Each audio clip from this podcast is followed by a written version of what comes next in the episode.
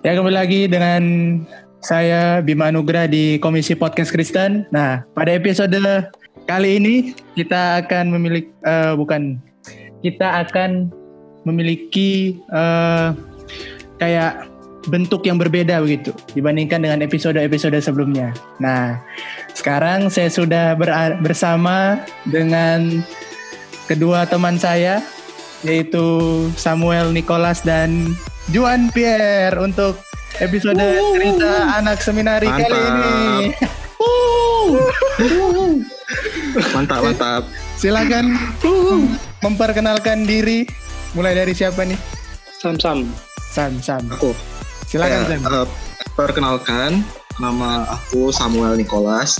Uh, aku asalnya dari Jambi. Uh, saat ini umur 19 tahun oh sorry masih 18 tahun uh, umur sendiri lupa saat ini sedang uh, menempuh studi begitu ya menempuh studi di seminari Kitab Asia Tenggara seperti saat uh, semester 2 tahun ini kalau Tuhan izinkan akan masuk ke semester 3 nanti. Oke, okay, gitu, mantap. Lanjut Juan Pierre. Oke. Okay. Nama saya Juan Pierre, tapi panggilannya Pierre umur tepat 18 tahun 4 hari we. Oh, oh iya benar juga Asal, ya. Baru ulang tahun benar benar. Asal dari Palu dan sama seperti Sam dan Bima sedang menempuh studi di saat semester 2. Nah. Oke, mantep. Biar ini adalah seorang pianis terkenal. Wah. Wis. Aduh. Oke. Seperti yang saya telah bilang tadi sebelumnya, karena ini episodenya sedikit berbeda. Nah, sekarang kita akan jawab pertanyaan-pertanyaan yang uh, sudah kita terima ya dari Insta Story. Ya, tentang kehidupan kita semua nih di seminar ini. Nah, kita harapkan lewat podcast kali ini bisa membantu teman-teman yang sedang bergumul dengan uh, panggilan menjadi hamba Tuhan khususnya untuk masuk ke seminari. Nah, kita lanjut langsung mulai aja ya. Ke pertanyaan pertama. Langsung aja. Oke. Okay. Pertama nih. Kak, saya dengar buku teologi banyak yang bahasa Inggris. Sedangkan saya lemah di bahasa Inggris. Hmm. Gimana ya, Kak? Oke, okay, gimana nih? Siapa dulu nih mau jawab nih? Langsung aja. Kamu jawab aja Sam, Jawab Sam. Sam dulu lah. ah, iya. Uh, betul sih. Kebanyakan kita bakal pakai buku bahasa Inggris gitu ya. Tapi bukan berarti nggak ada buku bahasa Indonesia juga gitu. Ada juga gitu buku-buku bahasa Indonesia. Nah, uh, tapi memang buku bahasa Inggris itu lebih baik gitu. Karena ke, kebanyakan scholar-scholar kan menulis ya dalam bahasa Inggris gitu. Ketika buku-bukunya diterjemahkan akan ada kesulitan bahasa waktu diterjemahkan ke bahasa Indonesia. Hmm. Nah, tapi kalau dibilang susah, ya buat saya pun, buat aku juga awalnya susah. Tapi ya lama-lama belajar. Dan di saat kita disediakan di semester 1 juga ada mata kuliah bahasa Inggris yang akan menolong kita membaca uh, textbook-textbook bahasa Inggris gitu. Gitu sih. Wah, mantap-mantap nih. Uh, aku juga setuju dengan Sam memang ada juga buku bahasa Indonesia gitu. Nah, untuk Pierre gimana nih Pierre menurut kamu Pierre? Ya, setuju setuju. Jadi mungkin untuk teman-teman yang menggumuli itu masuk seminari mungkin bisa mulai belajar bahasa Inggris tuh. Hmm, Belajarnya betul, betul. analisa kata itu. So ini klausa apa? Itu sangat membantu sih. Selama pengalamanku dua semester di saat itu sangat membantu baik bahasa Indonesia maupun bahasa Inggris. Oke, oke, oke. Tapi ini kelihatannya bukan sesuatu yang begitu signifikan sehingga kita akhirnya tidak memutuskan masuk gitu ya, hanya oleh karena bahasa Inggris. Iya, nah. karena juga uh, yang aku lihat gitu orang-orang yang kuliahnya sebulan juga kebanyakan juga pakai buku bahasa Inggris sebenarnya. Dan memang itu bahasa internasional kan gitu, jadi memang uh. juga salah satu yang harus dikuasai sebenarnya. Betul betul betul. Nah, mungkin kalau teman-teman yang sedang bergumul dengan bahasa Inggris sebelum masuk sekolah teologi ya bisa ambil les bahasa Inggris dulu kan. Kalau memang oh, ya, uh, merasa begitu kurang gitu di dalam bahasa Inggris. Tapi tenang di seminari kita belajar bersama-sama. Ada orang yang jago di bahasa Inggris bisa membantu kita ya. Iya. Mantap. Oke, kita lanjut pertanyaan dua ya. Lanjut lagi. Oke. Nih, kalau ada yang dari non Injili, jadi gimana itu ya? Boleh sharing pergumulannya gimana soal Mantap ini. jadi Nah ini eh, ini jadi pertanyaannya berangkat dari orang mengenal saat sebagai eh, sekolah teologi Injili gitu. Nah, misalkan kita dari gereja yang non Injili gitu. Bagaimana nih? Bis bisa atau enggak atau ya kita sharing lah di sini. Coba mung- mungkin Pierre ini bisa. Pierre. Oke, Pierre. ya. Jadi untuk teman-teman pendengar gitu, yang mungkin belum kenal sama saya, aku itu dari gereja karismatik, tepatnya gereja Bethel. Pertama masuk saat waktu wawancara ditanya juga ini sama yang wawancara, kamu kok dari Kok masuk sini? Kenapa nggak masuk di STT Bethel gitu? Tapi sebenarnya itu bukan sebuah masalah buat aku. Aku lupa sih apa yang aku jawab pas wawancara, tapi yang jelas saat terima kok. Dan itu memang pasti ada beberapa perbedaan itu yang cukup besar. Tapi ya anggaplah itu sebagai sebuah bagian dari pembentukan itu. Sebagai orang yang non injili masuk ke sekolah teologi injili gitu. Sangat baik jawaban dari Pierre. Jadi eh, saat menerima intinya ya, saat menerima dari berbagai denominasi karena saat ini bukan eh, sekolah untuk denominasi tertentu. Yang penting dan apa ya, kecuali dari saksi Yehua gitu ya. Kalau bidat Oh. mungkin gimana Sam?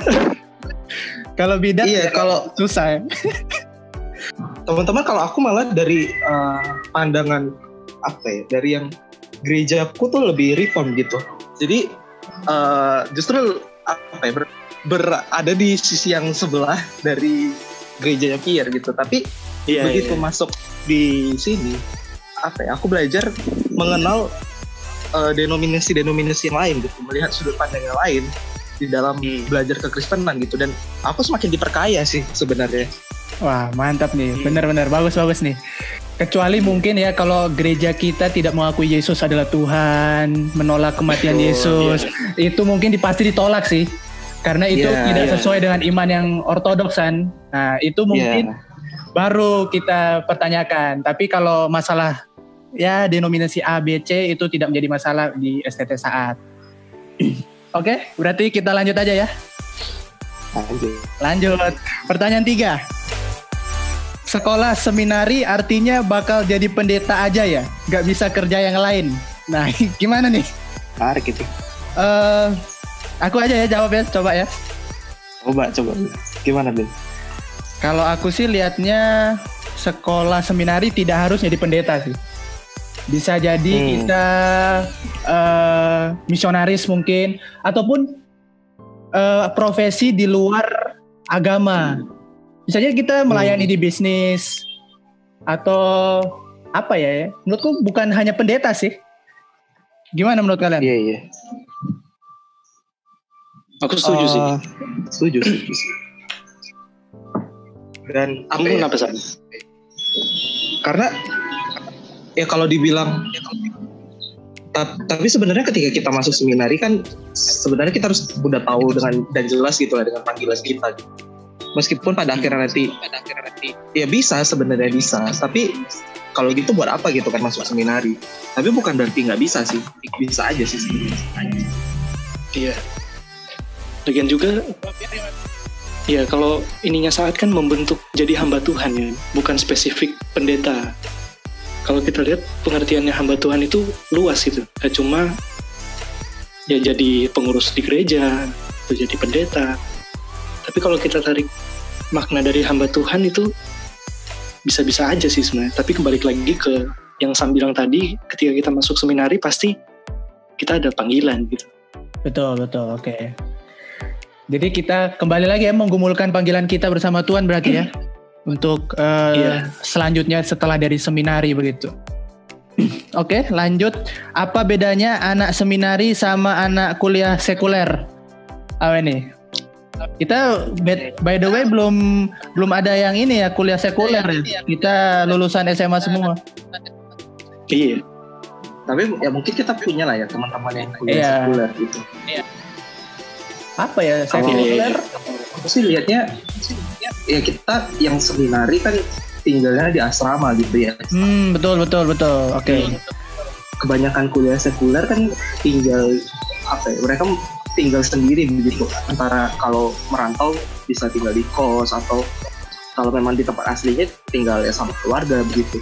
Hmm. Kalau kita tinggal bersama-sama nih, bersama-sama dengan semua mahasiswa lain gitu. Iya, iya.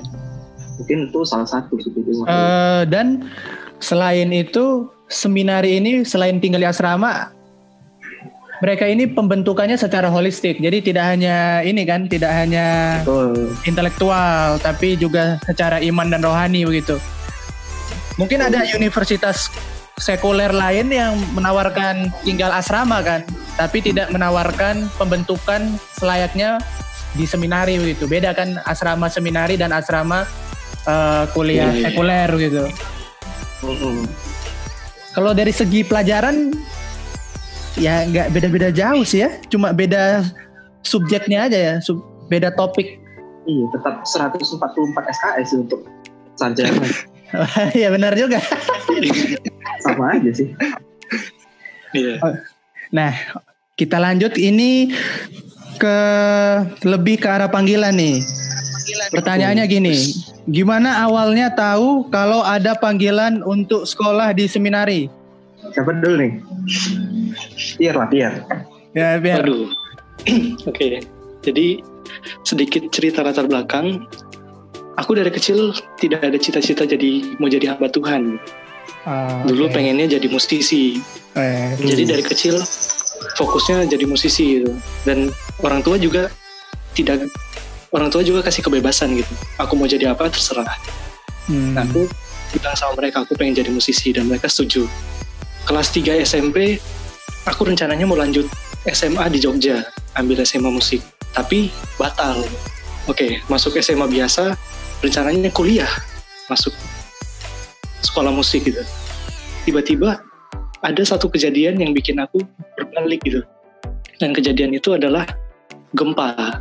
Oh, ini. gempa Palu, ini tsunami Palu ya Pir ya? Iya. Iya. Waktu itu 28 September itu. Singkat cerita, aku kena likuifaksi namanya. Itu Hmm.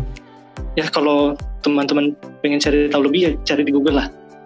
Videonya juga kalau penasaran. Tapi momen itu yang bikin aku akhirnya sadar gitu. Kalau aku ini sebenarnya tidak ada apa-apanya gitu. Kalau Hmm. nyawaku ini bisa tiba-tiba hilang gitu, nggak ada yang tahu. Jadi selama gempa itu bikin aku sadar gitu. Selama aku masih punya kesempatan, ya aku pengen kasih yang terbaik, bukan untuk manusia, tapi untuk Tuhan. Dan sejak saat itu aku memutuskan untuk berbalik dan mau jadi hamba Tuhan. Oh, jadi Tuhan menggunakan peristiwa ini ya di Palu ya? Iya, iya, Oke oke. Kalau Sam gimana Sam? Kalau aku eh, dulu sempat ikut semacam retreat begitu ya, semacam retreat begitu yang diadakan eh, sama STEMI. Jadi itu Stephen Tong Evangelical Ministry. Nah, Hmm. itu tahun 2012 diadakan di Kemayoran, di RII Kemayoran. Eh, waktu hari terakhir itu kan biasa ya biasa retreat begitu hari terakhirnya bakal ada KKR gitu ya. Hmm. Eh, dan ketika KKR itu ada callingnya begitu terakhirnya. Dan di calling terakhir adalah panggilan mengenai siapa yang mau memberikan hidupnya sepenuhnya kepada Tuhan. Jadi hamba Tuhan gitu. Nah di momen itu apa ya rasanya gelisah gitu. Ada perasaan gelisah di dalam hati ini yang kayak eh, nyuruh diri sendiri tuh untuk maju untuk terima panggilan itu begitu. Hmm. Oke oke. sempat ada struggle di dalam diri untuk menolak itu gitu tapi ketika hati itu makin gelisah akhirnya diserahkan diri maju dan ya setelah itu uh, tekad sih jadi tekad untuk masuk seminari belajar Alkitab baik begitu ya sampai sekarang puji Tuhan bisa masuk dan bisa sampai waktu itu umur umur 11 berarti waktu itu iya Oh. iya umur 11 hmm. Wah menarik nih dari 2012. hmm. 11 tahun bro. Wih. Masih kecil. 8 tahun lalu ya Oh, sorry bukan 2012 2015 deh sorry sorry Oh 2015. 2000 kelas Oh. 2 SMP Oh. oh SD ya berarti kalau 11 11 tahun ya. enggak enggak 2015 salah ingat Oh, jadi eh, Tuhan bisa pakai berbagai ini ya berarti ya cara ya berbagai peristiwa untuk oh. em, menumbuhkan eh, panggilan itu gitu ya. hmm. iya iya Oke kamu oke. sendiri oke. gimana Bim? Kalau aku sih singkatnya ini sih dari berdebat dengan ini sih saksi Yehova sih. Kalau aku Hmm. sama ikut seminarnya Pak Bejo dari situ dan puncaknya juga sam di SYC 2017 Altar itu. Ya itu sih singkatnya. Oke. Nah Apa lanjut tuh, aja ya. SYC Bim buat Iya, yang nggak iya. tahu nih SYC SYC itu saat youth camp setiap tahun diadakan. Jangan lupa ya SYC 2020 kita harus ikut soalnya kita panitia. Oke, semoga ada semoga ada amin ya. amin Nah ini pertanyaan dari kakak tingkat kita nih. Menurut kalian apa problematika utama anak seminari? Menurut yang kalian lihat dan Hmm. alami juga boleh. Apa ya pro- jawab problematika? sama salah satu dosenku tuh bilang gini ya dosen kita lah ya Ya.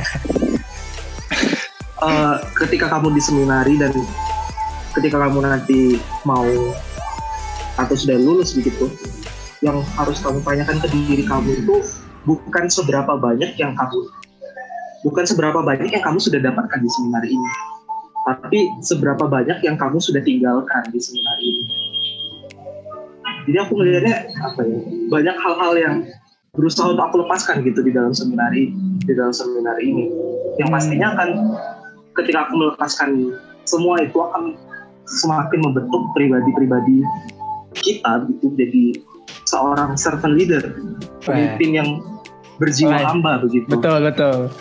jadi bagaimana kan- kita bisa melepaskan Hmm. hal-hal yang membuat kita nggak jadi servant leader gitu Oke oke oke. Jadi kayak masalah isu-isu diri begitu ya Sam ya bisa dikatakan ya. betul Isu-isu diri eh, sifat-sifat yang tidak baik. Karena di saat itu Sifatnya ada selfish ada moto eh, Christ Center Servant Leader betul berpusat pada ya Kristus betul poinnya berjiwa hamba. servant leader Hmm. Christ Christ center center. Nah, mantap nih. Kalau Pierre gimana nih Pierre? mungkin kalau dilihat lebih praktisnya itu problematikanya ya mungkin hal itu dilupakan gitu. Karena mungkin kita sudah terlalu sibuk dengan tujuan kita dengan goals kita yang ya mungkin tidak mengarah ke sana itu ya itu jadi ini jadi pengingat yang penting sih buat aku pribadi. Ingat kalau tujuan kita bukan untuk ya sekedar objektif tapi ya untuk menjadi Christ centered ser- servant leader gitu. Oh, oke oke. Jadi kayak eh, tujuan-tujuan yang keliru gitu ya dalam hidup Iya. gitu ya, Pierre. Sehingga Iya. tidak eh, bertujuan lagi kepada Kristus tapi kepada hal-hal yang lain. Oke. Ini insight yang sangat baik. Ya kalau aku kurang lebih sama seperti kalian berdua sih. Ah, tapi kalau aku lebih ke arah mungkin kadang sering males gitu sih, males eh, kayak kan kalau di saat kan ada kerja bakti gitu kan, cuci supir. Nah itu kadang kadang males gitu loh buatnya. betul betul Itu jadi problematika. Aduh. aku pernah loh ya kayak satu minggu itu males ngapa-ngapain kerja bakti males cuci piring males gitu. Tapi Terus ada kuliah itu- juga lagi. Iya, kuliah Ah. lagi, masih aktif ya. Itu Hmm. mungkin salah satu titik yang paling menjenuhkan gitu. Buat aku. Hmm, Oke oke Tapi- oke. Ketika rest time gitu, salah satu teman kamarku bilang dia sharing gitu tentang konselornya. Terus dia bilang belajar untuk memaknai. Jadi ketika dia selesai konseling, dia mencoba ketika dia bikin tugas, dia mencoba memaknai tugas itu. Ketika kerja bakti, juga sama gitu. Jadi mencoba memaknai. Oke oke oke. Sangat menarik. Eh, problematika anak seminari. Jadi jangan pikir tidak ada problematika ya kita. kita juga Betul. manusia. Oke oke. Oke kita lanjut pertanyaan terakhir aja ya ini berarti eh, apa suka duka sekolah di seminari atau rasanya gimana sih sekolah di seminari senang atau susah atau sedih atau apa? Nah gimana nih? apa ya? Eh, ada lah pasti suka dukanya ya. Kayaknya apa kita lebih dekat gitu sama orang-orang lain gitu karena kita tinggalnya bareng kan nih tinggalnya bareng hidupnya bareng gitu Eh, dan dengan makin dekat yang sama yang lain tuh eh, bisa jadi suka bisa jadi duka juga sih karena Rumit ya kompleks nih. rumit betul betul Iya. di satu sisi bisa kita mudah makin mudah dekat sama yang lain gitu ya tapi juga tidak bisa dipungkiri bahwa ya terkadang ada apa ya clash juga gitu sama yang lain gitu ya Oh ya ngerti ngerti ngerti. Kalau oke. dari kehidupan ya begitu ya kalau kehidupan sehari-harinya sih Kalau Pierre gimana Pierre? Tidak bisa main piano lagi nih. Oh iya, iya, iya. Apa Pierre? ya itu sih salah satu bagian dari melepaskan gitu. Melepaskan apa nih Pierre? Jelas dong. Aduh. melepaskan hobi hobi Oh hobi. hobi Ya, hobi. piano kan, piano kan. Nah, atau mungkin kalau kita senang main game gitu, pas masuk saat tuh waktunya tidak terlalu memungkinkan untuk main game. Jadi harus Hmm. dilepaskan. Ya, mungkin itu sih. Kalau sudah di dalam, ya pasti yang namanya gesekan ada lah. Hmm. Tapi ya, itulah salah satu bagian dari pembentukan itu. Bagaimana kita menyikapi gesekan itu. Kalau katanya salah satu teman kita, ya kalau tangan kayak berdoa gitu, itu namanya apa ya? Dilipat lah ya. Iya. Nah itu bisa erat karena ada gesekan gitu.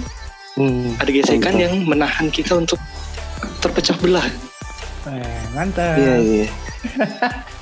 Udah M- pakai mungkin ke hal lain yang- analogi. lebih praktis gitu ya Apa? Eh, yang lebih praktis sukanya itu kalau kita ya kita kan tinggal di sana gitu terus ya jadi ya makan juga di sana gitu tidur juga di sana sukanya mungkin Iya. ketika misalnya kita eh, di menu makanan itu menu yang kita suka gitu ya atau menu yang enak gitu Betul, betul. Setuju, setuju, Atau- setuju. Iya. hal praktis lain misalnya ketika kita dapat teman kamar yang enak begitu itu bakal jadi hal yang suka mungkin ya bagi kita Hmm. tapi Hmm. akan eh dalam tanda kutip duka ketika misalnya eh apa ya, dapat teman kamar misalnya kurang cocok gitu tapi di sisi lain sebenarnya Hmm. itu juga jadi pembentukan gitu ya buat kita Iya. pembentukan kita sebagai hamba kan sebenarnya gitu. Betul, betul, betul. Hmm. Betul, betul. Dan yang hal praktis ya ya pembentukannya itu sih karena kita hidup di asrama ya mau nggak mau harus kerja bakti, harus Hmm. cuci piring. Ya siapa sih yang nggak duka gitu loh? Pastilah secara normal lah ya kalau kita dari kehidupan di rumah yang dalam tanda kutip lebih santai, lebih ini. Sekarang kita Hmm. dituntut untuk eh, melakukan sesuatu gitu, bangun pagi jam 5. Ya pasti Hmm. dalam ya secara manusiawi juga merasakan aduh gak enak mengeluh gitu kan ya tapi sekali Iya, lagi itu kan bagian dari pembentukan kita gitu Hmm. tapi kalau hal yang suka lain sih kalau di saat puji Tuhan kampusnya itu nyaman sih menurut aku betul Hmm. banyak yang bilang kayak hotel betul terus perpustakaannya begitu besar dan lengkap Wah, iya betul jadi Berapa lantai? juga ya lima kan lima, lima lantai bener kan Hmm. Lima atau iya betul betul. Nah membantu kita juga di bidang akademis kan. Iya. Tapi mungkin kita ini berbicara dalam konteks kita sebagai ini ya mahasiswa saat ya. Tapi mungkin garis besarnya sih akan sama juga sih di uh, STT lain mungkin tuh seminari lain. Yaitu Ya, ada pembentukan karakter yang mungkin berbeda-beda kan di STT lain. Terus Iya. eh, tetap akan menemui sebuah kejenuhan juga sih kalau aku ketika kita Hmm. belajar terus menerus satu bidang itu ya ada satu titik Hmm. juga kita akan jenuh oke itu pertanyaan terakhir dan sekaligus menutup uh, podcast Q&A kita pada episode kali ini. Nah ini yang terakhir sekali uh, closing statement gitu dari Sam dan Pierre. Oke kata-kata lah untuk teman-teman yang mungkin sedang bergumul dengan panggilan ini. Singkat-singkat lah. Apa Sam. Ayo. Ya aku dulu ya. Eh, teman-teman apa ya? Aku percaya tiap profesi gitu ya itu merupakan suatu panggilan. Jadi bukan hanya kita yang atau kami-kami yang ada di seminari ini yang dipanggil Tuhan. Mungkin teman-teman yang menjalankan profesi atau studi teman-teman di tempat yang lain, percayalah itu juga panggilan Tuhan. Tapi ketika teman-teman satu hari punya kegelisahan gitu untuk mau memberitakan tentang kebenaran ini kepada orang lain, ya teman-teman nggak perlu takut lah. Tuhan yang memanggil, Tuhan yang akan memperlengkapi, Tuhan yang akan menjaga. Gitu sih. Oke. Pierre gimana Pierre? Mungkin kalau kalau Samuel untuk orang-orang yang mungkin sedang menggumuli gitu. Aku mungkin untuk orang-orang yang saat ini sedang menjalani gitu. Ya apa pun yang sedang kita hadapi sekarang, ya anggaplah itu sebagai sebuah bagian dalam pembentukan kita. Dan percaya kalau segala hal yang terjadi itu terjadi atas izin Tuhan. Artinya segala hal itu terjadi untuk mendatangkan kebaikan. Wah, mantep ini. Jadi Mantap, mantap. Creator good. Roma 828 ini. Oke, lanjut lanjut Pierre. ya begitu. Nah mungkin dalam masa-masa sekarang ini mungkin sulit untuk melihat hal itu. Tapi percayalah Tuhan itu tidak berubah itu. Dia itu tetap Allah yang menopang kita, yang memampukan kita itu menjalani pembentukan kita. Baik ketika kita di seminari atau mungkin seperti saat ini kita sedang di tempat kita masing-masing. Itu sih. Oke, sangat baik. Terima kasih teman-teman sudah bergabung di podcast episode kali ini. Terima kasih untuk Sam, Pierre, dan Thank you. teman-teman yang juga mendengarkan. Kiranya bisa memberkati dan kiranya Tuhan menolong teman-teman dalam eh, menggumulkan panggilan di saat-saat masa seperti ini. Kayaknya bisa membantu teman-teman semua. Terima kasih telah mendengarkan podcast ini. Sampai jumpa di episode selanjutnya. Tuhan Yesus memberkati. To God be the glory.